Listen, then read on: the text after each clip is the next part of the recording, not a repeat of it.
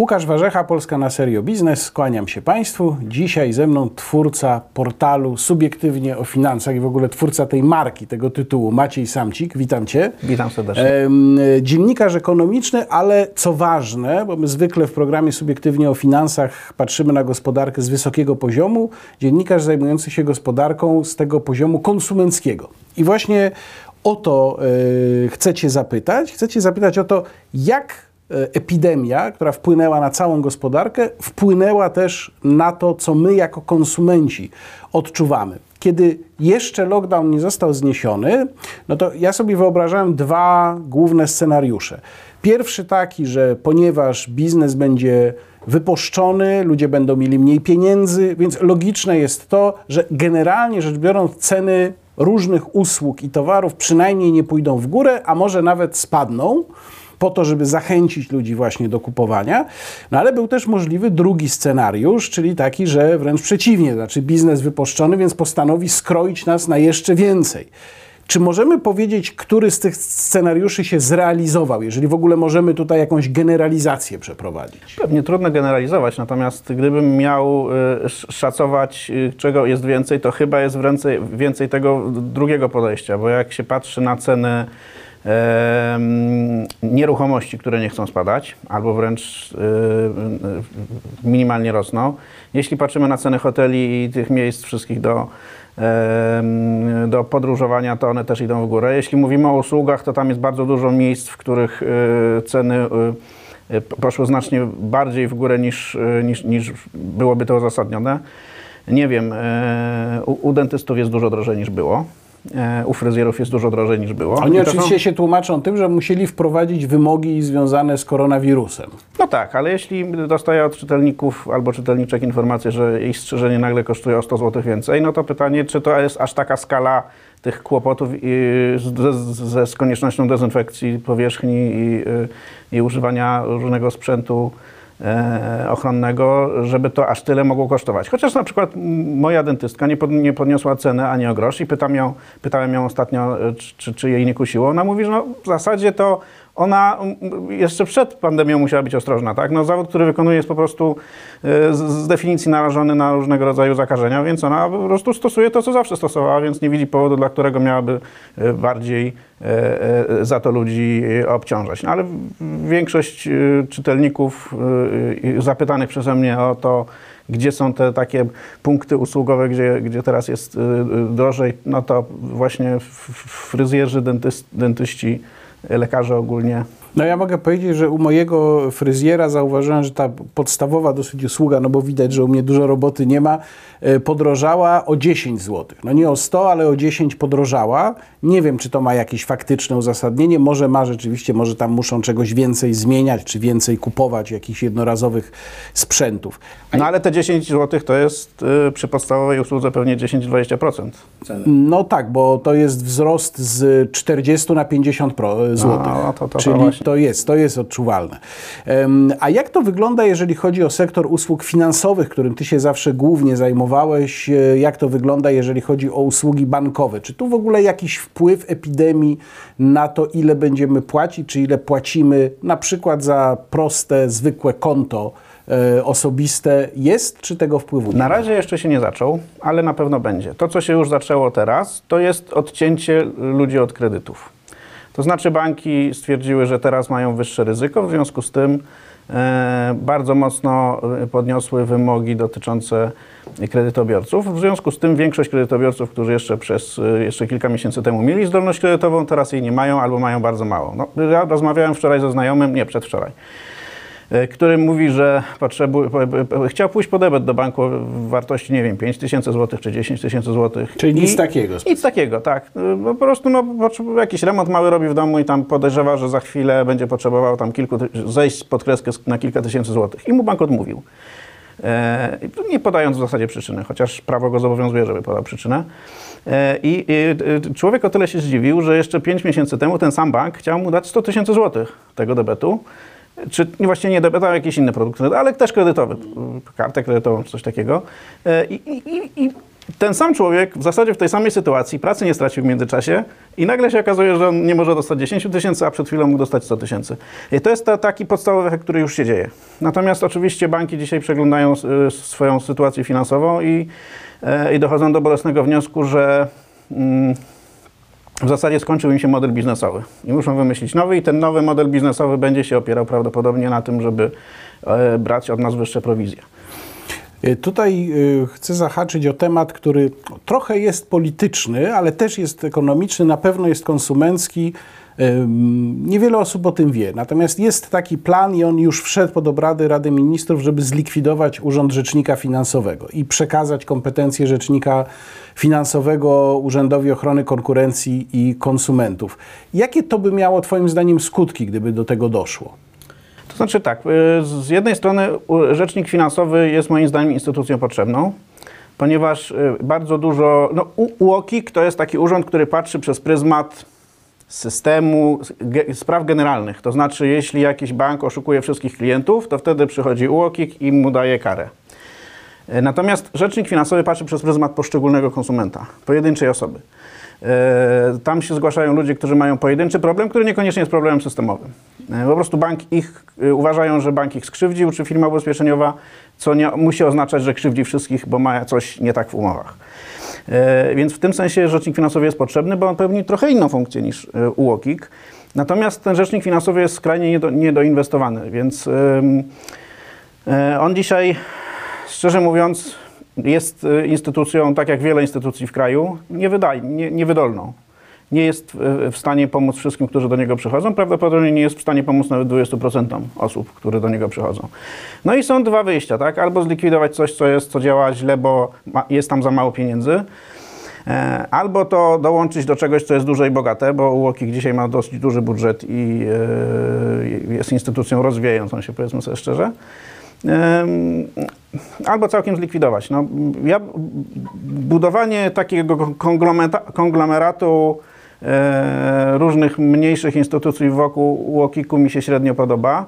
Likwidowanie czegoś, co pomaga e, urzędu, który pomaga konsumentom, czy ma za zadanie pomagać konsumentom, też mi się średnio podoba. Najbardziej bym lubił scenariusz, w którym rzecznik finansowy po prostu dostaje więcej pieniędzy na swoją działalność, albo jest wymyślony jakiś mechanizm, na przykład, że część kar UOKiK-owych po prostu idzie na finansowanie rzecznika finansowego. I w ten sposób nie trzeba utrzymywać tego urzędu z budżetu. Na przykład. E, przeczytałem na e, portalu e, Twoim, subiektywnie o finansach, bardzo ciekawą informację. Znów taka sprawa, która się nie przebija do szerszej świadomości, na nie do mojej, bo ja jeżdżę samochodem, ale przeczytałem o tym, że w wyniku epidemii znikają czy stają się wirtualne pewne usługi taksówkowe. To znaczy, że taka wersja free, jak to się nazywa ta aplikacja? W, no jest kilka takich usług, Uber, Free Now. Tak? Free Now, właśnie. To Free Now Light, gdzie z góry była deklarowana cena za przejazd i to podobno było bardzo atrakcyjne. Ja bardzo sporadycznie korzystam, więc mówię podobno i że to w wyniku epidemii znika. Mało tego, tam była bardzo interesująca informacja, że rynek tych przewozów taksówkowych to jest jakieś tam 30% tego, co było. I zacząłem się zastanawiać, co z tymi taksówkarzami pozostałymi, znaczy gdzie ci ludzie zniknęli, co się z nimi stało. Nie mam danych takich generalnych, ale człowiek, z którym jechałem taksówką trzy dni temu, mówi, że wyjeżdża do Niemiec do pracy.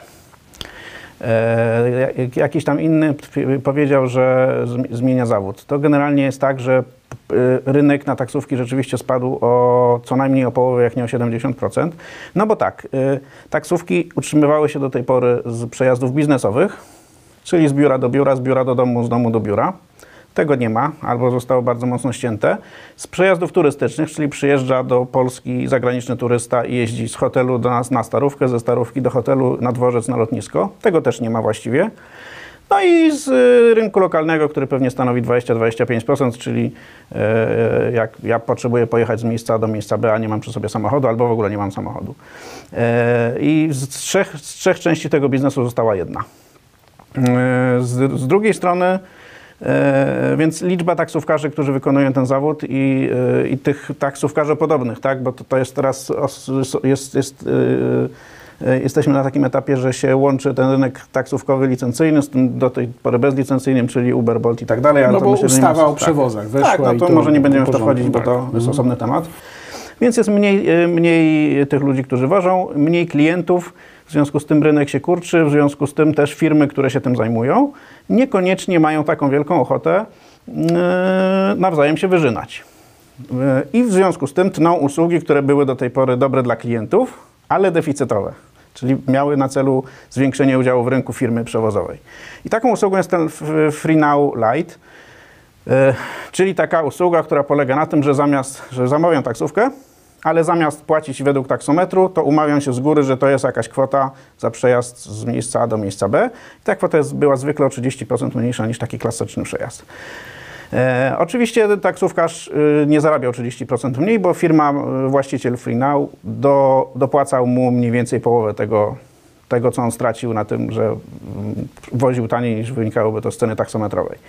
No i, i, i, ostatnio, y, jak się zaczęła pandemia, tak naprawdę, bo to już trwa kilka tygodni, ten mechanizm został skasowany, to znaczy y, dzisiaj jak taksówkarz, y, jeśli klient chce skorzystać z tej usługi, taksówkarz chce ją wykonać, to po prostu ją wykonuje o te 30% taniej. No taksówkarze nie bardzo chcą tak to robić, więc usługa de facto jest już no, rzadko dostępna, powiedzmy sobie. Prawdziwy diesel musi dymić. Piotr, ja mu depnę, a ty patrz czy dymy. Tate, tate, co tak dymi? Piotr, no to jest diesel. Prawdziwy diesel musi dymić. Wycinając filtr DPF w samochodzie, zabijasz swoje dziecko. Tate, tate, dusi mnie! Twój samochód nie musi dymić. Wejdź na smogowicze.pl i dowiedz się, jak zadbać o czyste powietrze.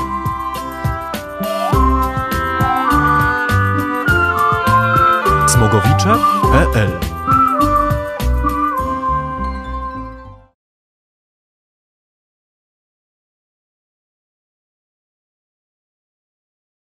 Zastanawiam się, czy to nie jest jakiś bardziej ogólny mechanizm, jeżeli chodzi o różne usługi. To znaczy, że ta nadzieja, o której mówiłem na początku, że właśnie nastąpi obniżenie cen, wcale się nie sprawdza, bo różne sektory usług, może tak jest na przykład też w gastronomii, się zmniejszyły, skurczyły, klientów jest mniej, no więc trzeba więcej zarobić od tych, którzy zostali, ale też właśnie przez to, że sektory się skurczyły, to konkurencja się skurczyła, czyli już nie ma takiej rywalizacji, czyli tak naprawdę wszyscy obrywamy jeszcze raz po kieszeni w związku z epidemią, nie tylko ze względu na to, że no, trzeba będzie od nas wyciągnąć więcej pieniędzy, wiadomo, dług publiczny wyższy i tak dalej, ale też właśnie dlatego, że generalnie konkurencja się zmniejsza w różnych sektorach. E, Bardzo słuszna diagnoza, w pełni się z Tobą zgadzam, to dokładnie tak wygląda na wielu rynkach. Wszędzie, wszędzie jest mniejszy popyt, mniejsza, mniejsza podaż, e, wy, wypadają z rynku najmniej, naj, najsłabsze, najsłabsi e, usługodawcy, w związku z tym ci, którzy zostają, ci najsilniejsi, e, mogą sobie pozwolić na wzrost cen. I jest tak jak po każdym e, kryzysie, co chociaż ten jest inny niż wszystkie podobno, ale efekt w sensie rynkowym będzie pewnie podobny, to znaczy, że spadnie konkurencja i ci najwięksi sobie poradzą. I oni, jak rozmawiam z, duży, z, z e, dyrektorami, szefami dużych firm, to oni tak bardzo na ten COVID nie narzekają. Oni mówią, no my sobie poradzimy, tam jest ta, ta drobnica, która za chwilę nam przestanie po prostu przeszkadzać w robieniu prawdziwych pieniędzy. Więc e, no, wydaje mi się, że to e, w, jakim, w pewnym sensie jest nieuniknione. Tak? To znaczy oczywiście te pieniądze, które idą na tarcze e, antykryzysowe, w jakimś sensie mają ten, zmitygować, spowolnić ten, ten, to zjawisko. Natomiast w jakim, w jakim stopniu to się uda, trudno jeszcze powiedzieć. Pewnie się będziemy mogli o tym przekonać za kilka miesięcy, późną jesienią, wczesną wiosną przyszłego roku. E, Ale wygląda to niestety na razie nie za dobrze, w takim sensie, że rzeczywiście e, ceny raczej nie pójdą, dlatego, mnie- nie, nie pójdą w dół, dlatego mnie tak mocno dziwią cały czas e, zapowiedzi e, e, szefa Narodowego Banku Polskiego, że on się nie boi inflacji, bo moim zdaniem no, tu nie ma prawa nie być dużej, wysokiej inflacji. Pisałeś też na swoim portalu y, analizę mm, y, sytuacji szwedzkiej. O szwedzkim modelu zrobiłeś taką dosyć długą analizę. Jakie z tego wnioski? To znaczy, czy to już jest ten moment, kiedy możemy w ogóle jakieś wnioski wyciągnąć, jakieś pierwsze, bo ostateczne no to pewnie dopiero za 2-3 lata, ale już teraz, czy to, co Szwedzi zrobili, w jakikolwiek sposób im pomogło? E, tak jak powiedziałeś, jest trochę za wcześnie, żeby o tym, żeby to e, oceniać tak już e, powiedzmy ostatecznie. Natomiast na dziś wygląda na to, że pomogło im w niewielkim stopniu, bo oni dzięki temu, że nie przeprowadzili takiego klasycznego lockdownu, czyli nie zamknęli wszystkiego, mieli, czy mają, no mieli, bo teraz to już chyba trochę się, się zmieniło, natomiast mieli śmiertelność w pewnym momencie 10 razy większą niż u nas. Spadek gospodarki jest podobny. Spadek konsumpcji był trochę mniejszy, ale też w jakimś tam sensie podobny do naszego. Więc oni e, powiedzmy, że w sensie gospodarczym aż tak dużo nie zyskali, no ale e, e, kilka tysięcy osób przez to mm, zmarło. Natomiast nie wiemy, co będzie w przyszłości, bo to, co, to, co Szwecja, czego nie doszacowała, to są powiązania gospodarcze. Bo to, że cała Szwecja się nie zamknęła i ona cały czas działała, niewiele znaczyło w sytuacji, w której y, 70% i- i- i ich e, potencjału gospodarczego to jest eksport i oni nie mogli eks- eksportować do krajów sąsiednich, które były zamknięte. W związku z tym to, że oni byli w stanie działać, nie oznaczało, że, e, że, że mogli działać. I, I w związku z tym ta ich strategia się na dziś wy, wygląda e, na to, że niespecjalnie się powiodła, ale jest jedna niewiadoma. Mianowicie to, że oni się nie zamknęli, oznacza, że jest tam mniej bankructw firm, że jest mniej destabilizacji poszczególnych rynków, tak jak powiedzieliśmy o ty- tych taksówkowych, tak i innych. W związku z tym, o ile inne kraje będą musiały odbudowywać swoją gospodarkę, e, odbudowywać niektóre branże niemal od zera, to Szwedzi niekoniecznie. I zobaczymy, co się będzie działo z inwestycjami. To, to, co dzisiaj bardzo szybko się wszystkim krajom udało odbudować, to konsumpcja. Ludzie owszem pewnych rzeczy nie kupili, ale kupili je w, w, w internecie, albo kupili inne rzeczy, albo teraz nadrabiają te zakupy, więc konsumpcja powiedzmy dość szybko wraca, może nie do poziomu sprzed pandemii, ale do nie jakiegoś dramatycznie niskiego. Natomiast nie ma inwestycji. Nie, Firmy nie inwestują, bo się boją. No i teraz pytanie, czy firmy w Szwecji zachowają się tak samo, też nie będą inwestować, bo się boją, czy też będą rozpędzone i teraz y, będą w stanie przeprowadzić dużo, dużo szybszą ofensywę niż y, na przykład firmy polskie, które no, najpierw muszą y, się uratować, a potem dopiero myśleć o ekspansji. To jest taka zagadka. A my mamy w ogóle w Polsce rosnący problem z inwestycjami. My mamy go tak, nawet przed COVID-em mieliśmy problem z inwestycjami i teraz będziemy go mieli jeszcze większy. Rząd chce to zasypać takimi dużymi inwestycjami państwowymi, natomiast no, one nie, za, nie do końca zastąpią moim zdaniem te takie mniejsze inwestycje prywatne w różnych branżach, bo przecież rząd nie, nie, nie jest w stanie wszędzie inwestować w mniejszych miejscowościach, większych. To są duże inwestycje takie e, infrastrukturalne sk- sk- skomasowane w pewnych miejscach. Więc tu, tu wydaje mi się, że Szwedzi w długim terminie niekoniecznie mogą na tym przegrać. Natomiast na dzisiaj wygląda na to, że no nie doszacowali wpływu powiązań gospodarczych na to, że na, na, na, na y, gospodarcze konsekwencje COVID-u. No to jeszcze spróbujmy na koniec przewidzieć, jeżeli się da oczywiście, jak z gospodarczego punktu widzenia będzie wyglądała w Polsce jesień i z punktu widzenia konsumentów również. E, na razie oczywiście mamy niewiadomą w postaci tego, że nie upłynął jeszcze miesiąc, czy nie upłynęły nawet dwa tygodnie pełne od końca wakacji. Czyli teoretycznie rzecz biorąc, jeżeli byśmy przyjęli, że wakacje były momentem, kiedy ludzie się mogli od siebie zakażać, no to jeszcze tego nie widać. No jeszcze mamy szkoły oczywiście, które się zaczęły od września. Mm, Natomiast już widać, że rząd wyklucza raczej, wyklucza drugi lockdown. Y, I mówił o tym wicepremier Sasin między innymi, chociaż wcześniej też były takie głosy, tam Radosław Fogiel na przykład stwierdził, że no, to nie możemy wykluczyć, ale potem się pojawiły te głosy, że jednak nie. Mm, y, No i, i, i mamy zmianę zasad izolacji, też chyba dosyć istotną sprawę. Czy można się spodziewać, że będzie coś takiego jak jakaś druga fala spowolnienia? No bo ja sobie tak wyobrażam sobie taki scenariusz.